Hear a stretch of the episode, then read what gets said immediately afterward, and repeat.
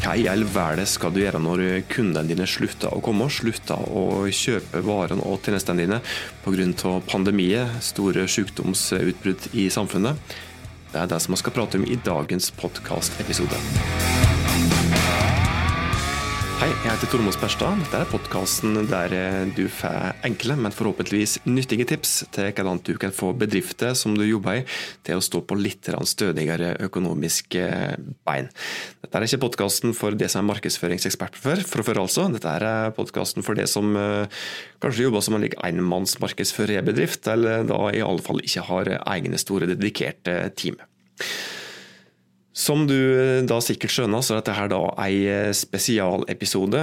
I innspillende stund så er vi da midt eh, inne i det som begynner å se ut som det kan bli ei koronakrise òg i Norge. Verdens helseorganisasjon har akkurat sagt at, at dette her er prat om en pandemi kommuner ikke så langt fra der som jeg bor. Der er det flere syke. Det er 1000 som er i karantene. Begynner å bli ganske stort. Merka det på, på bedrifter som oss jobber for. Der er det for enkelte nå relativt uh, tynt med omsetning om dagen. Det har gått fra bra omsetning til omtrent full stopp, f.eks. I, i enkelte reisebyrå. Eh, prata med en næringssjef i ei, kommune i, i, går, som kunne si det at eh, et hotell i kommunen der, der hun jobba, hadde gått fra full, fullt belegg nå i mars måned til absolutt eh, null belegg. Så dette begynner å bli ganske dramatisk for fryktelig mange bedrifter. Og Da blir jo spørsmålet da, hva i all verden skal du gjøre? Eh, når, eh, når, slike ting skjer, når du slutter å få en omsetning i det hele tatt. Eh, det som jeg, jeg ser og hører om ganske, ja, ganske mange plasser, er det at det er full stopp. Det er bare ukritisk gjenskruving av krana. Og Det er nok det første tipset som jeg vil gi. Eh, første som du bør gjøre i bedrifter, er at du setter sammen med kollegaene dine, setter rolig ned, prøver å få oversikt over situasjonen. Hva ille er det egentlig? Må dere skru igjen krana helt fordi kundene er borte, eller har dere midler til fortsatt drift? Har dere eh, litt eh, penger på bok? Enten i, ja, til å enten markedsavdelinger hvis dere er så heldige at dere har det, eller ja, har dere mulighet til å bruke litt penger på annonsering fremdeles? Det er det første som dere må se på. Og en anbefaling som jeg da har som en forlengelse til dette, her, er at markedsavdelingen din, eller markedsføringsbudsjettet er kanskje mer riktig å si i denne sammenhengen her, det er noe av det som du bør være mest kritisk til hvis du må kutte. Husk at det kommer tider etter koronautbruddet òg. Husk at det kommer bedre tider, og da bør du være rigga og klar til å møte kundene og konkurranser på nytt.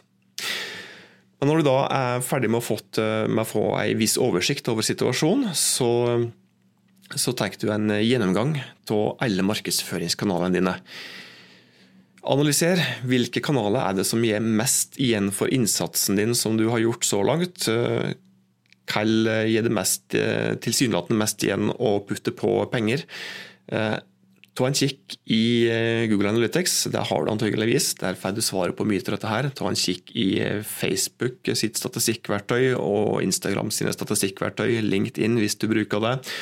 Der har du sannsynligvis fasiten. Vurder som sagt, hvilke kanaler er det som gir mest igjen.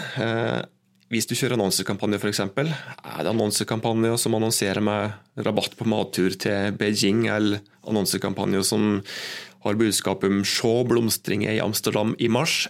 Antageligvis ikke. Eh, er det annonsekampanjer som har et budskap om 'planlegg høst- og vinterferien din da'? Ja, kanskje. Slike ting som da eh, går på litt, litt lengre tidsperspektiv.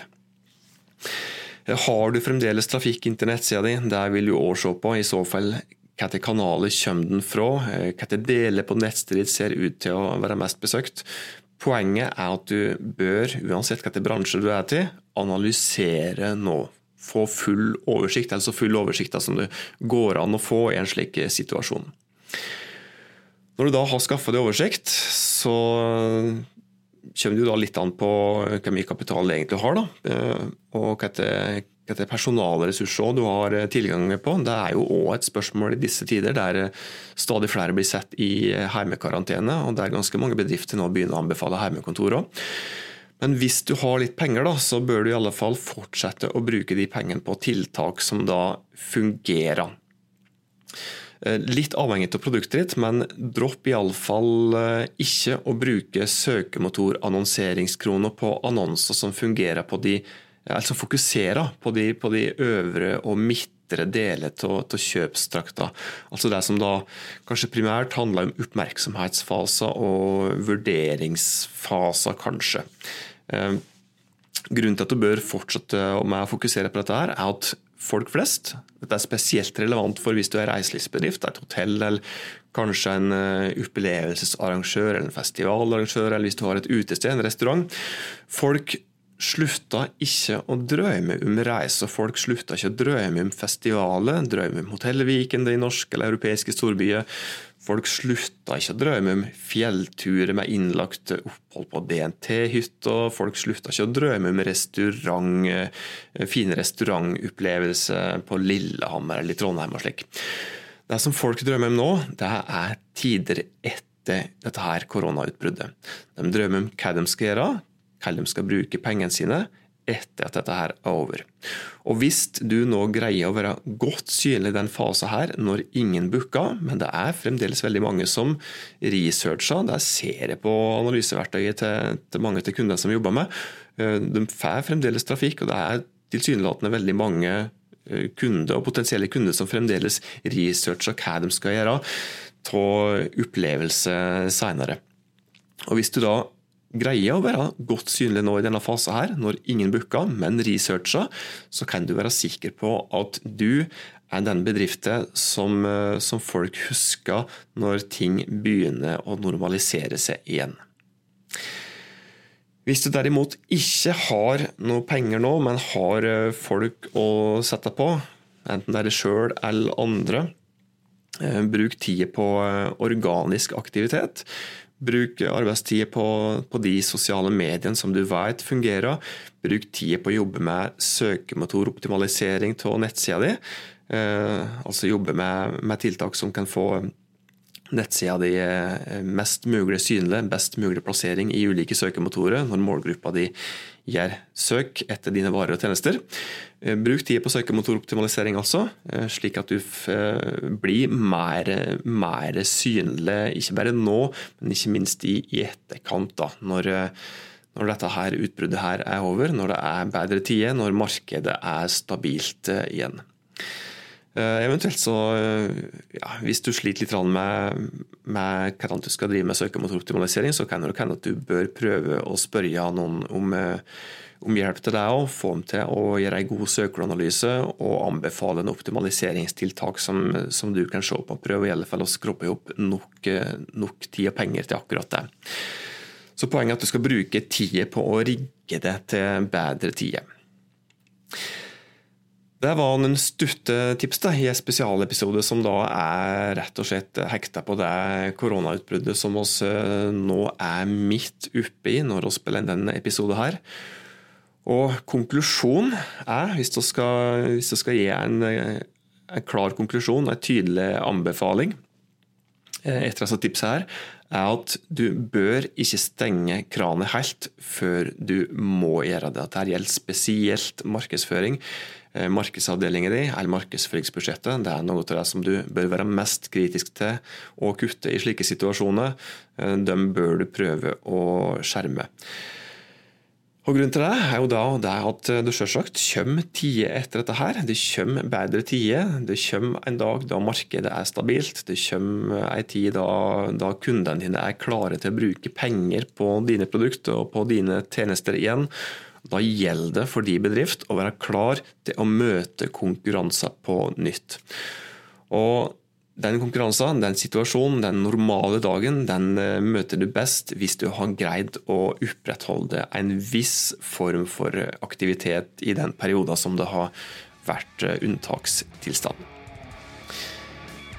Det var dagens eh, episode. Litt spesielt budskap i en spesiell situasjon. Hvis du syns det var nyttig, hvis du vet om andre som bør ha tips, disse konkrete tips her gi dem gjerne et hint om denne episoden her.